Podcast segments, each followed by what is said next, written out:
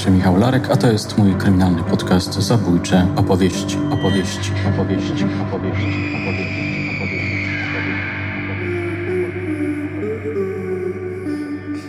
O co pytają śledczy entomologa sądowego?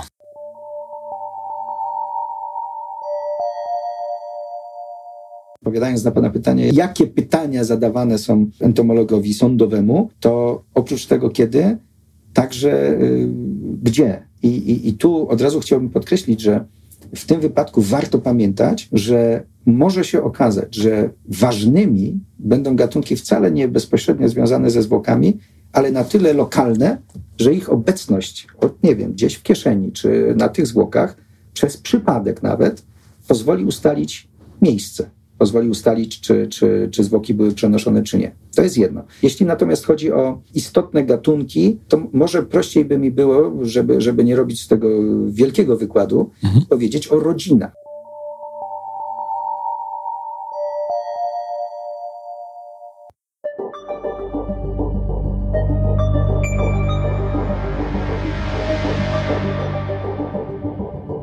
To doktor habilitowany Szymon Konwerski, entomolog, koleopterolog, chrząszczarz, kierownik zbiorów przyrodniczych, biegły sądowy. Mogliście go usłyszeć na kanale w odcinku z serii Kilka szybkich pytań do eksperta. Dzisiaj zaprezentuję Wam dłuższą, bardziej rozbudowaną rozmowę dotyczącą już ściśle entomologii sądowej. Jakie są najważniejsze punkty tematyczne tego odcinka? Pytania, jakie dostają biegli w tym zakresie, przebieg pracy ze śledczymi, najważniejsze rodziny chrząszczy nekrofilnych, fazy rozkładu ciała, przedwojenna tradycja entomologii sądowej. Chciałbym podkreślić, że tego odcinka powinni wysłuchać śledczy, technicy kryminalistyki, dochodzeniowcy, prokuratorzy, do których mój rozmówca kieruje ważną prośbę czy poradę. Moje drogie, moi drodzy, posłuchajcie.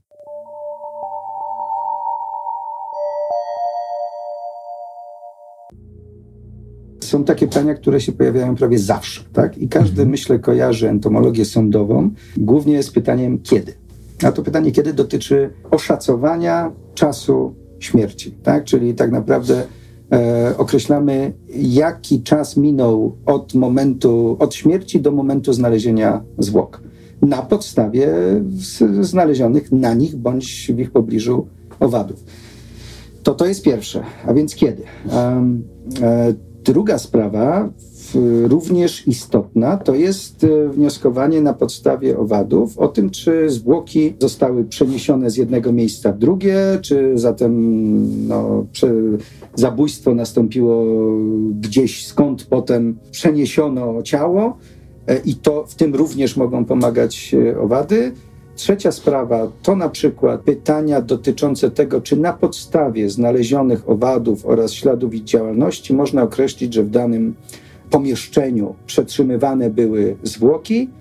I myślę, że to są te najważniejsze rzeczy, z którymi ja miewałem bezpośrednią styczność. Natomiast e, są także jeszcze pytania w stylu jak. E, a zatem to tak naprawdę jest entomotoksykologia, czyli na podstawie owadów e, nekrofagicznych znalezionych na zwłokach mm, można określić, czy, czy, czy, czy człowiek wcześniej e, zażywał jakieś, jakieś substancje, jakieś narkotyki, czy też na przykład został otruty, ponieważ e, w tkankach tych owadów te substancje się kumulują.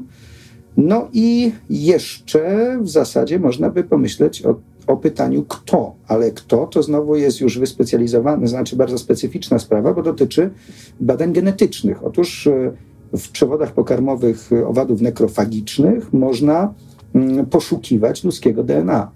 No i to chyba są te najważniejsze, najważniejsze, najczęściej zadawane pytania. A w każdym razie najczęściej to kiedy? Reszta później. Mhm. A które z pytań Pana najbardziej ciekawi, fascynuje, pociąga? E, to znaczy, no cóż, mnie jako entomologa, to nie ukrywam, że e, takim dużym wyzwaniem było na podstawie materiału owadów znalezionych na zwłokach w zamkniętym pomieszczeniu odpowiedzieć, czy, tak, czy próbować odpowiedzieć na pytanie, czy te owady są typowe dla takiego zamkniętego pomieszczenia, czy też może jednak e, występują w wolnej przyrodzie e, i świadczą o tym, że zwłoki zostały przeniesione. to było dla mnie chyba takie najbardziej interesujące, no ale oczywiście za każdym razem, kiedy się, kiedy się próbuje odpowiadać na te pytania postawione, no to trzeba się w to w pełni zaangażować i wtedy mm, to musi być e, interesujące dla, dla opiniującego i musi się w to w pełni zaangażować. Mhm. A zdarzyło się tak, że Pana praca jako biegłego w sposób znaczący wsparła jakieś śledztwo, jakieś dochodzenie? To znaczy, od razu ja, ja podkreślam e, taką sprawę. To e, ślad, ślady entomologiczne to są jedne z, e, ze śladów biologicznych, czyli Mm, one są, e, można je traktować przede wszystkim jako posiłkowe, tak? To e, faktycznie mogą wspierać. Tu się, to, to, takiego określenia bym też użył. E, natomiast czy, czy w moim, czy, czy moje opinie, ja, ja sądzę, że mógłbym uznać, że tak, ponieważ w sytuacji, kiedy długo prowadzone śledztwo, mówimy o latach śledztwa, nie daje odpowiedzi jednoznacznej na pytanie, kiedy doszło do, do zbrodni, E, i są y, jakby równoległe mm, drogi w tym śledztwie, tak? Tak długo, podkreślam. No to w, kiedy entomolog jest w stanie mm, określić czy, czy, czy wskazać jasno, że tylko jedna z tych przedstawianych możliwości jest e, jego zdaniem na podstawie e, analizowania właśnie tej entomofauny wiarygodna, to myślę, że to jest właśnie to, co, co, co mógłbym uznać za, za mm, no, istotny wkład. Także w tym znaczeniu, owszem, to, to, to, mhm. to mi się zdarzyło. Tak, to mi się... Okej. Okay. Jak w ogóle się zaczęła ta e, przygoda? No cóż, e, to też zawsze powtarzam, ja jestem po prostu entomologiem. E, entomologiem sądowym to teraz bywam, a stałem się to, to będzie gdzieś tak około 2005 roku. I po prostu zostałem zaproszony do mm, takiej interdyscyplinarnej grupy przez kolegę z Wydziału Prawa i Administracji, obecnie mm, profesora Szymona Matuszewskiego, który szukał, że się tak wyrażę, ekipy, tym entomologów doświadczonych, do projektu, który miała, miała być badana sukcesja owadów na zwłokach w różnych typach środowisk. Także, także to był mój początek, czyli E, jakby zaproszenie do udziału w takim właśnie e, projekcie. No a potem to już, to już e, wiele lat udziału w projekcie i wreszcie um, możliwość um, wykorzystania tej wiedzy teoretycznej um, zgromadzonej w trakcie badań już w konkretnej sprawie, co się przydarzyło, no ja wiem, pięć lat e, później. Mhm. Także trochę tego czasu minęło i e, e, no myślę, że zdążyłem przez ten czas nabrać właśnie pewnego doświadczenia. Taki był początek. Tak? Mhm. A tak mniej więcej na czym polegało to wyzwanie? Chodzi mi o ten pierwszy przypadek opiniowania. To znaczy, to, to, było, to było właśnie o tyle interesujące, że dotyczyło, dotyczyło mm, zabójstwa, y, gdzie ciało zostało znalezione po no, w stadium za, za już zaawansowanego rozkładu, a więc trudno było e, lekarzom e, sądowym określić precyzyjnie czas e, i warunki, w jakich to ciało było znalezione, odpowiadały w bardzo dużej mierze tym naszym warunkom eksperymentalnym, a więc był Aha. to odpowiedni typ lasu, pora, także w związku z tym już na szczęście wcześniej opublikowane modele sukcesji, które wypracowaliśmy w ramach naszych badań, mogłem zastosować w konkretnej sprawie. Także to, to było wykorzystanie narzędzia, które sami stworzyliśmy.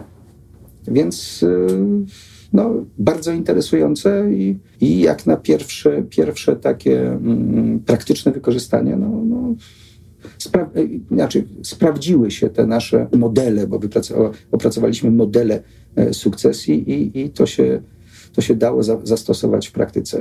I tam ta sprawa została wykryta? E, to znaczy, o, o ile mi wiadomo, tak, to się, to się, to się ta sprawa zakończyła się, zakończyła się skazaniem podejrzanego. Aha. A jak wyglądał, wyglądały szczegóły tej pracy? Dostał pan telefon, gdzieś tam pan pojechał, przeglądał dokumentację? To znaczy, no tak, to, to, to też mi utkwiło w pamięci, bo telefon, tak, to, było, to była kwestia dosłownie rozmowy telefonicznej. Dostałem materiał zebrany kilka lat wcześniej ze zwłok, tak, owady, które zostały zgromadzone. I dostałem także dokumentację fotograficzną z miejsca zdarzenia, potem z oględzin oraz, oraz protokoły w których na przykład były opisy miejsca, w którym zostały znalezione zwłoki i to zarówno, zarówno przez, przez e, przeprowadzających czynności e, policjantów, jak i na przykład e, świadków. Co też okazało się bardzo istotne, bo w wypadku tej konkretnej sprawy materiał zebrany ze zwłok, owady, uzupełnione były tym, co zostało sfotografowane. I to proszę pamiętać, że fotografowane nie ze względu na owady, tylko te owady zostały sfotografowane Jakby przy zupełnie, okazji. Zupełnie przy okazji. Ponieważ nikt nie nastawiał się wtedy na entomologię sądową, to nie był materiał gromadzony pod kątem entomologii, pod kątem śladów entomologicznych. Inne okazy miałem, inne gatunki miałem e, zebrane w formie okazów i zabezpieczone i inne gatunki były na tych zdjęciach. Łącznie e, pozwoliło to na, na no, możliwie na najbardziej precyzyjne określenie przedziału, w jakim, w jakim śmierć nastąpiła. Także tu było, to jest myślę dość dobry przykład na to, że entomolog, który podejmuje się sporządzenia opinii, powinien mieć możliwość zapoznania się także właśnie z materiałem, e, z materiałem fotograficznym, czy, czy właśnie mm, przynajmniej wybranymi protokołami. Czyli dokumentacja zrobiona przez dochodzeniowców była dobra, tak? E, no dobra, znaczy proszę Bo, bo różnie to się ja, zdarza. Ja oceniam to tylko jako entomolog a więc dobra czy niedobra w moim, tak, w tak. moim mhm. rozumieniu to dotyczy tego, jak zostały zebrane owady. Ten zbiór był fragmentaryczny, ale, ale włą, łącznie e, ze zdjęciami no, wystarczający. Mhm. Z tym, że proszę pamiętać, mówimy, to, to wiele lat e, temu się zdarzyło. W tej chwili no z przyjemnością mogę powiedzieć, że, że poziom wiedzy specjalistycznej odnośnie zbierania śladów entomologicznych wśród, w tym wypadku przede wszystkim chodzi o techników kryminalistyki, którzy są pierwszymi, to od nich zależy, jak dokładnie zebrany zostanie materiał, oraz oczywiście od, od prowadzących śledztwo oraz od prokurator, od prokuratorów, którzy którzy mogą po prostu zlecić zebranie tych, tych śladów y, entomologicznych, to ten, ten poziom takiej właśnie wiedzy specjalistycznej jest wielokrotnie, wielokrotnie lepszy niż, niż był wtedy. Mhm. Czyli mówimy o 10 latach, a zmiana jest naprawdę ogromna.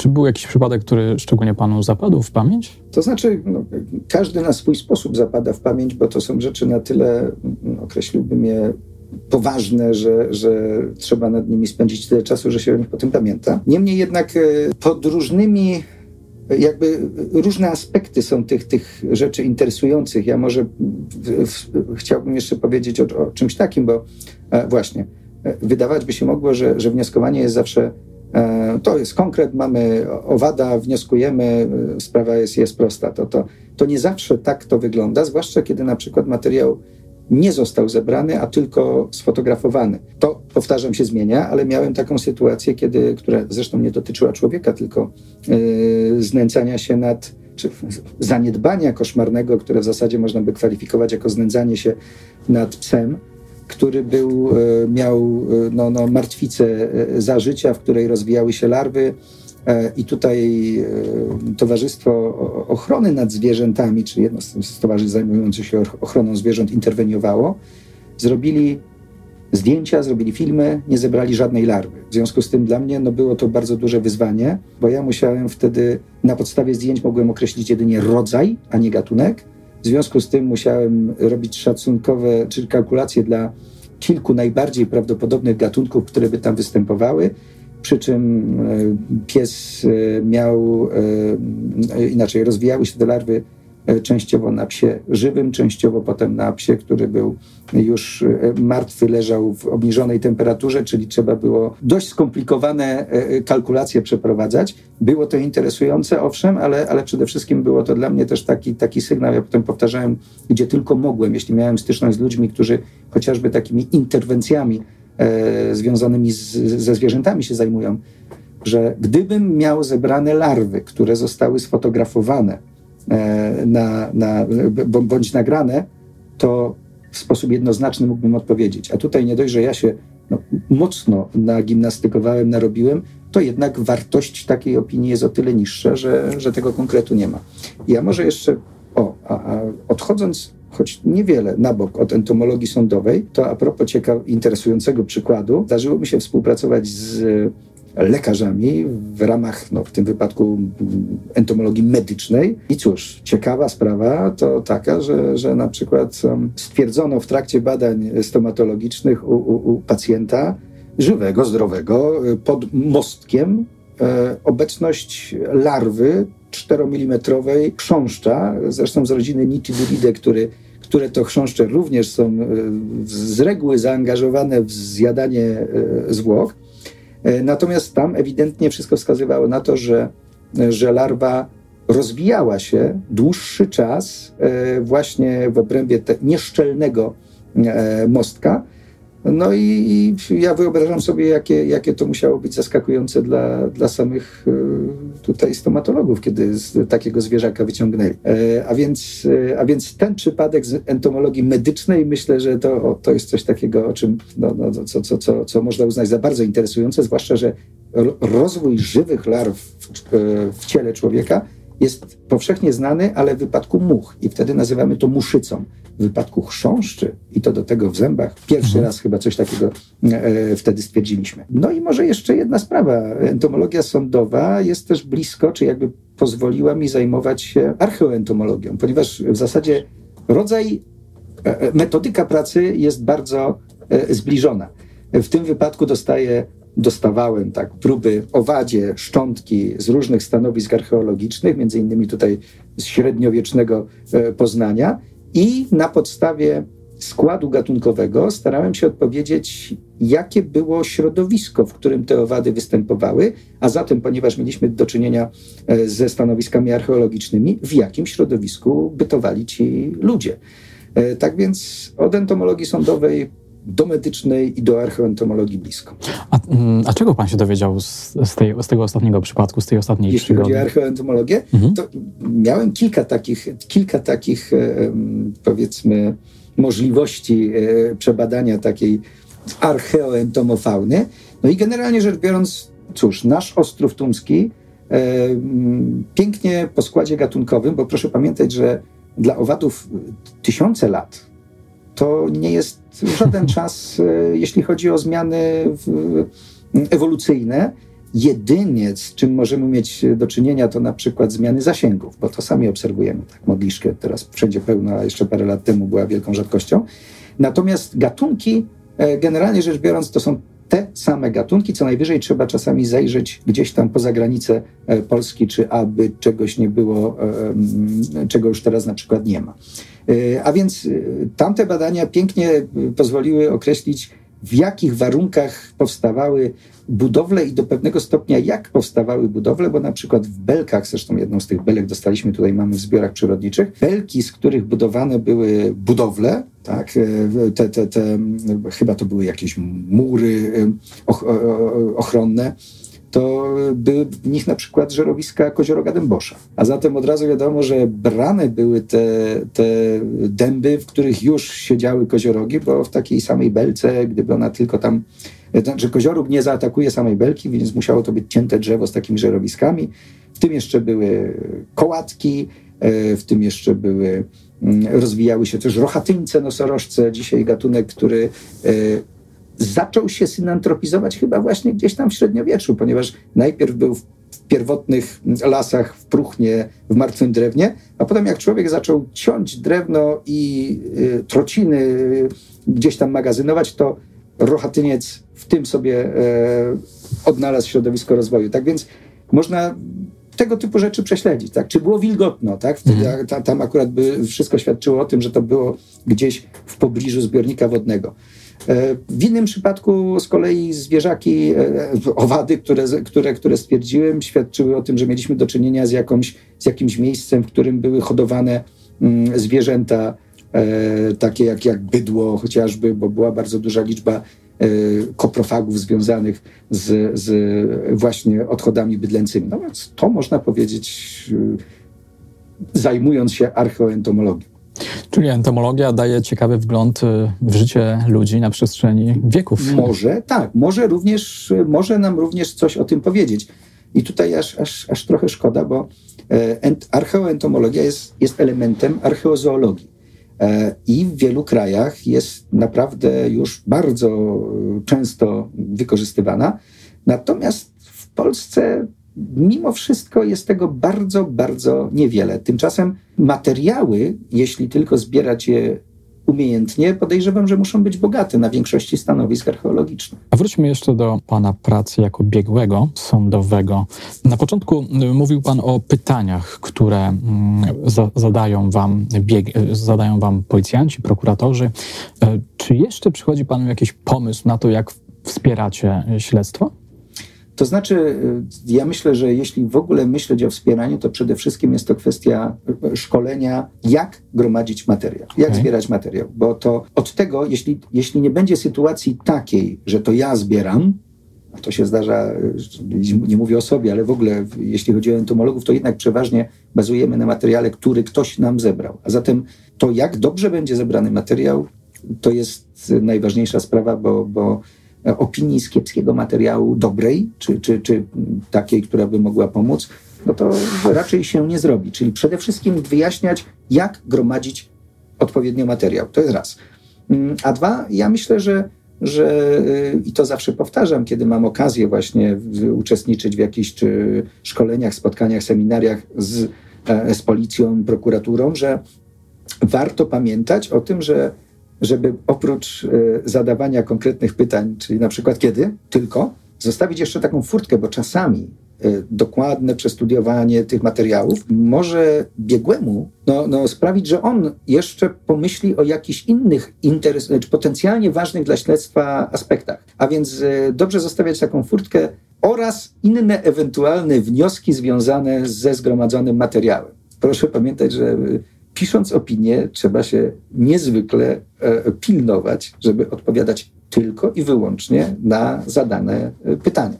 Tam miejsca na e, jakieś takie mm, rozważania poboczne nie ma. Natomiast to jest furtka, tak? Czy biegły jeszcze coś potrafiłby powiedzieć potencjalnie istotnego dla śledztwa na podstawie tego materiału? To otwiera drzwi do, do, do czasami oczywiście mówię, czasami. Także to by mogło ewentualnie pomóc. Mhm. A zdarzyło się panu kiedyś coś y, takiego? To znaczy, ja już inaczej.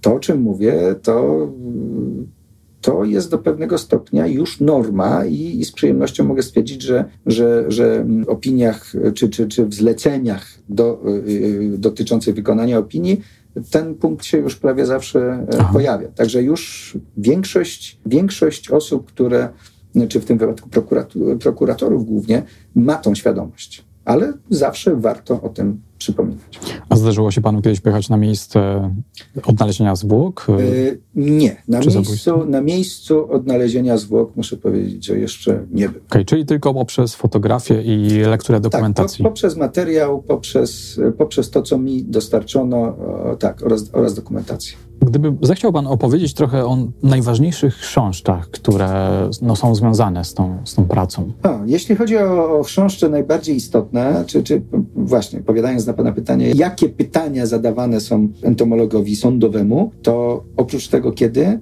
także y, gdzie. I, i, I tu od razu chciałbym podkreślić, że w tym wypadku warto pamiętać, że może się okazać, że ważnymi będą gatunki wcale nie bezpośrednio związane ze zwłokami, ale na tyle lokalne, że ich obecność, nie wiem, gdzieś w kieszeni czy na tych zwłokach, przez przypadek nawet, pozwoli ustalić miejsce pozwoli ustalić, czy, czy, czy zwłoki były przenoszone, czy nie. To jest jedno. Jeśli natomiast chodzi o istotne gatunki, to może prościej by mi było, żeby, żeby nie robić z tego wielkiego wykładu, mhm. powiedzieć o rodzinach, tak? Bo, bo wśród chrząszczy polskich, wśród rodzin jest kilka takich, gdzie mamy gatunki nekrofilne, w tym te istotne dla entomologii sądowej.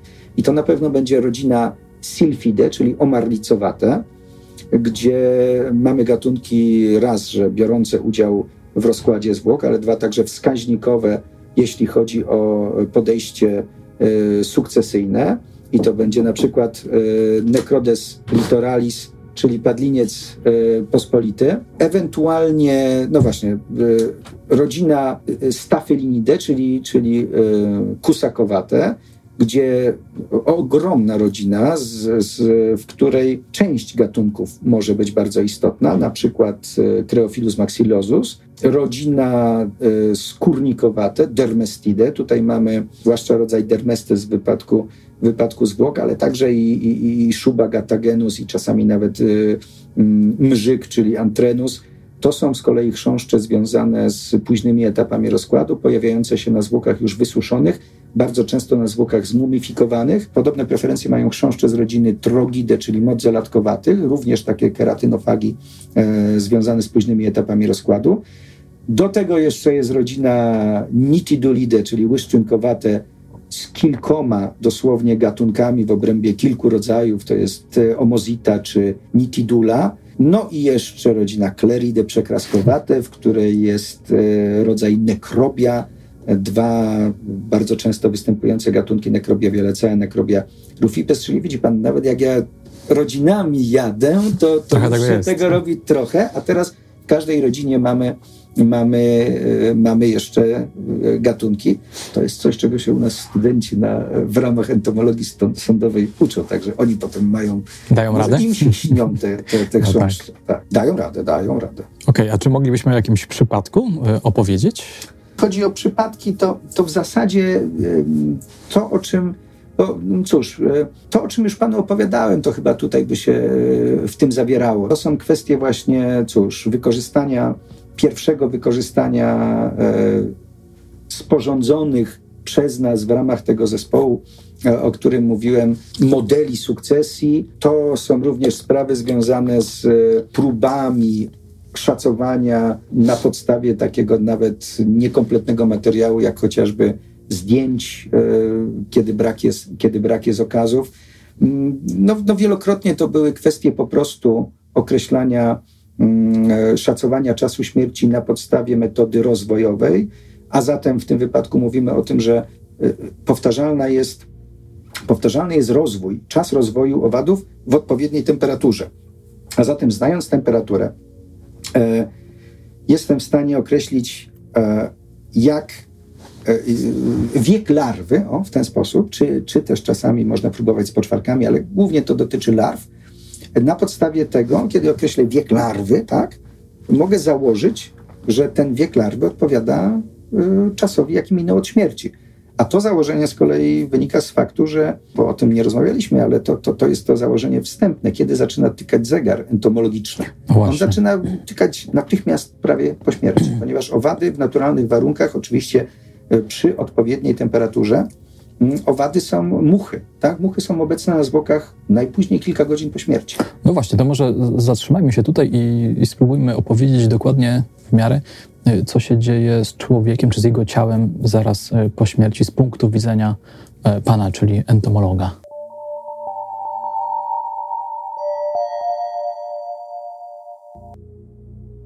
Jeśli chodzi o sam proces rozkładu, y, to no właśnie, fakt, jest to, jest to proces niezwykle złożony, tak? Jako entomolog muszę podkreślić, że, że to właśnie owady biorą największy udział w tym rozkładzie.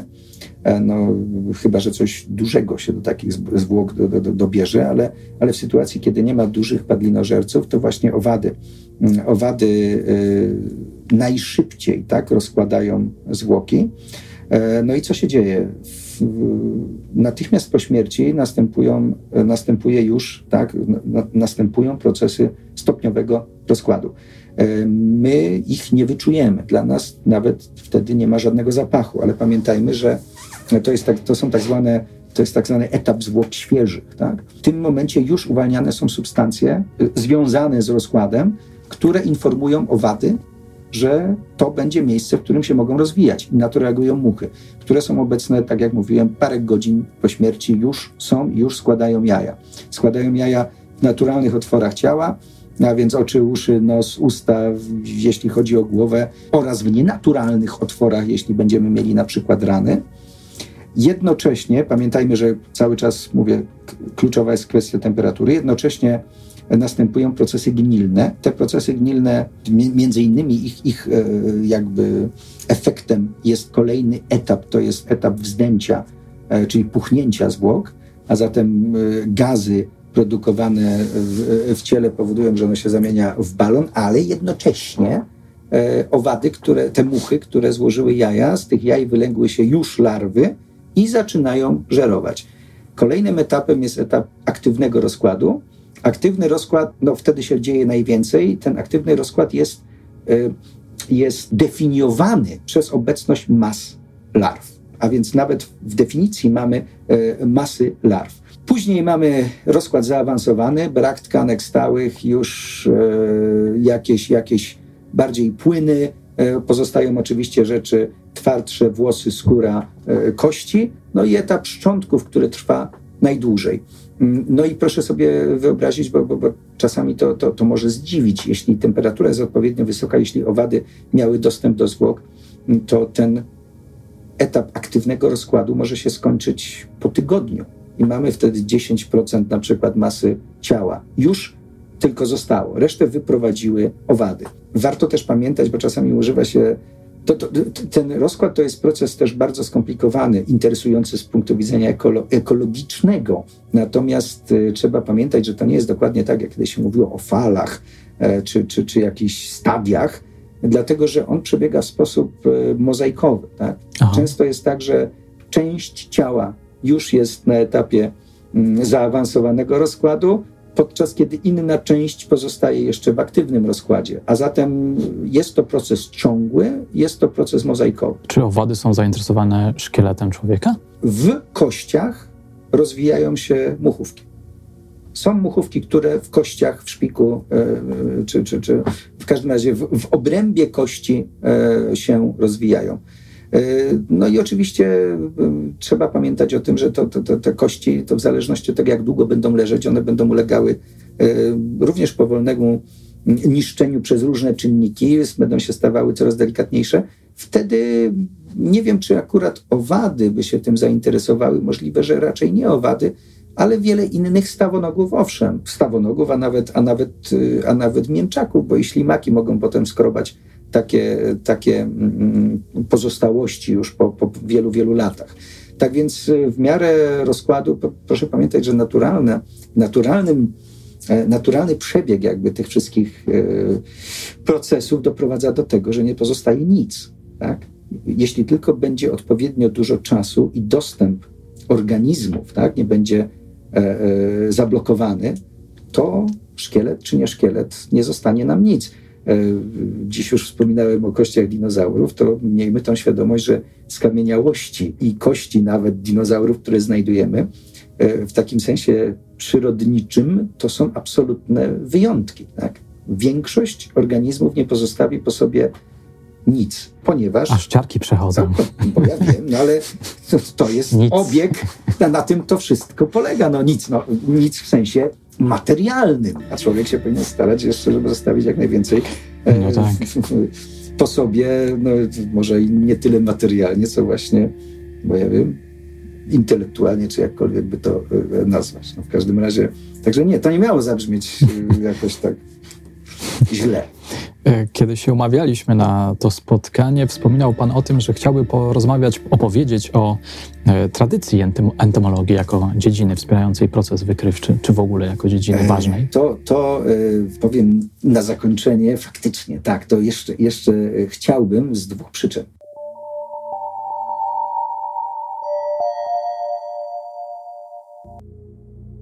Po pierwsze, oczywiście warto pamiętać o historii. Po drugie, e, no cóż, jako pracownik Uniwersytetu imienia Adama Mickiewicza, e, to, to muszę o tym wspomnieć. A więc tak, jeśli chodzi w ogóle o historię, to, to większość, e, większość, ja myślę, mm, z nas jest świadoma, że, że publikacje pierwsze to były publikacje chińskie i powtarza się w wielu, wielu opracowaniach, że, że pierwsza, pierwsza publikacja to była e, tam mniej więcej e, XIII wiek. E, tymczasem proszę pamiętać, że oni zaczęli dużo wcześniej, bo tak naprawdę publikacje związane z wykorzystaniem owadów w prowadzeniu śledztwa, to w Chinach e, powstawały już w roku 960. A więc taka jest historia E, jeśli chodzi o, o całość entomologii sądowej. To ca e, całkiem szacowna. Tak, całkiem. Natomiast e, teraz właśnie dwa nazwiska, o których muszę wspomnieć. Aha. Otóż pierwsze nazwisko, a kolejność tu jest w zasadzie dowolna, byłaby, ponieważ o, obydwo, obydwóch tych specy, te, ci, ci naukowcy opublikowali pracę z dziedziny entomologii sądowej w tym samym roku, 1902. Natomiast zacznę od profesora Edwarda e, Lubicza Niezabitowskiego. E, no, zacznę dlatego, że po pierwsze, chyba dlatego, że po prostu jest to postać fascynująca i uważam, że wszyscy biolodzy powinni się e, z, z jego dokonaniami e, zapoznać. A więc kiedy czytam dziś jego publikacje z lat 20., 30. czy późniejszych, to po prostu jestem pod ogromnym wrażeniem niezwykłej przenikliwości. Poza tym, że był to także lekarz praktykujący, wybitny przyrodnik od botaniki przez skamieniałości do, do, do zoologii. No i wreszcie e, entomologią sądową również się zajmował, ponieważ prowadził pierwsze u nas badania eksperymentalne, e, gdzie chciał sprawdzić, czy do różnych zwłok zwierzęcych e, będą przychodziły różne gatunki owadów nekrofilnych, czy nie, czy sezon będzie miał na to wpływ, czy temperatura, a zatem niezwykła postać, e, no a mnie jako pracownikowi UAM to jeszcze tym bardziej wypada, bo, bo Lubicz Niezabitowski był, był rektorem naszego uniwersytetu w latach 1928-29, także no mam nadzieję, że wszyscy, wszyscy o nim pamiętają, a jakby ktoś nie był pewien, to warto sięgnąć i dowiedzieć się czegoś więcej. A druga postać to profesor Stefan Choroszkiewicz, który w tym samym roku opublikował innego rodzaju pracę, a mianowicie on miał po prostu opis przypadku. Przypadku, w którym uczestniczył, to była śmierć e, dziecka, gdzie podejrzewano było zatrucie ze względu na, na ślady, jakie, jakie to dziecko miało na, na, na twarzy. E, natomiast, e, natomiast no, chodziło o to, czy możliwe, żeby te ślady zrobiły karaluchy, które, które matka widziała na zwłokach dziecka poruszające się, chodzące, czy mogły to coś takiego zrobić. No więc Choroszkiewicz wpadł na doskonały pomysł, żeby zrobić eksperyment, to znaczy świeżą ludzką tkankę włożył do pojemników, do których wpuścił karaluchy. Te karaluchy żerując bezpośrednio po tym, jak żerowały, nie było widać żadnych śladów. Natomiast kiedy skóra zaczęła obsychać, takie same ślady się pojawiły, czyli fantastyczny eksperyment, który wyjaśnił tą przykrą sprawę. A dlaczego jeszcze o nim też warto e, opowiedzieć? E, profesor Stefan Choroszkiewicz e, został powołany w 1921 roku na organizatora i kierownika Katedry Medycyny Sądowej Wydziału Lekarskiego Uniwersytetu Poznańskiego. I ja muszę powiedzieć, miałem przyjemność tam również ze studentami zajęcia prowadzić z entomologii sądowej i zawsze im opowiadałem, że mają tam obok salę imienia Choroszkiewicza i ciekawe, czy wiedzą, jak on się w entomologii sądowej zasłużył.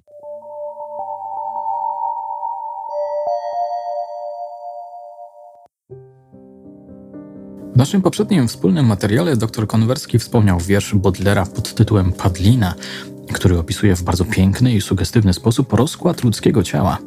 Okazuje się, że niektórzy poeci, ci bardziej mroczni, raz po raz nawiązują do obrazu zwłok zjadanych przez robaki. Ostatnio czytałem uśpioną poego w tłumaczeniu Antoniego Langego, zawierającą taki oto fragment. Śpi moja droga, ach jej spanie, co trwa wieczystym niech się stanie, niech sen jej zawsze będzie taki, niech cicho pełzną w niej robaki.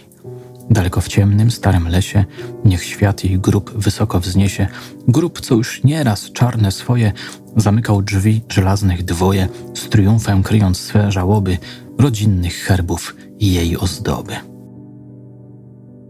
Smaczny wierszyk, prawda? Zakochany prosi, aby jego zjadana przez robaki ukochana nigdy nie wróciła do życia.